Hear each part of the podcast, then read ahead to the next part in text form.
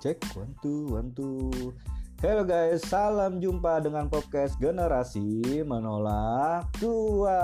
Oke, perkenalkan dulu nama saya Rama, biasa dipanggil Paps. Jadi ini podcast pengenalan dari generasi menolak tua. Mungkin banyak yang bertanya ya di antara pendengar ini podcast apaan sih? Gak jelas banget ya kayaknya. Jadi saya jelasin dulu ya di sini.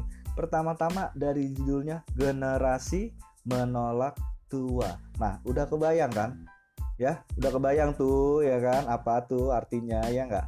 Nah itu udah kebayang. Jadi umur gue tuh udah berapa ya nggak ya nggak?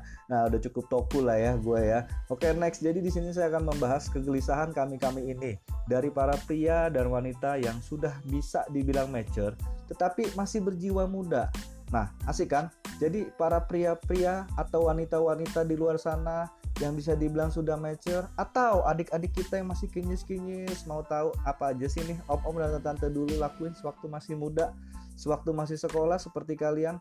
Yuk semuanya gabung di Sokin ya. Kita ngobrol-ngobrol aja dan nostalgia tentang masa-masa indah dulu. Waktu kita masih bocah sampai sekarang ini. Bebas deh pokoknya ya.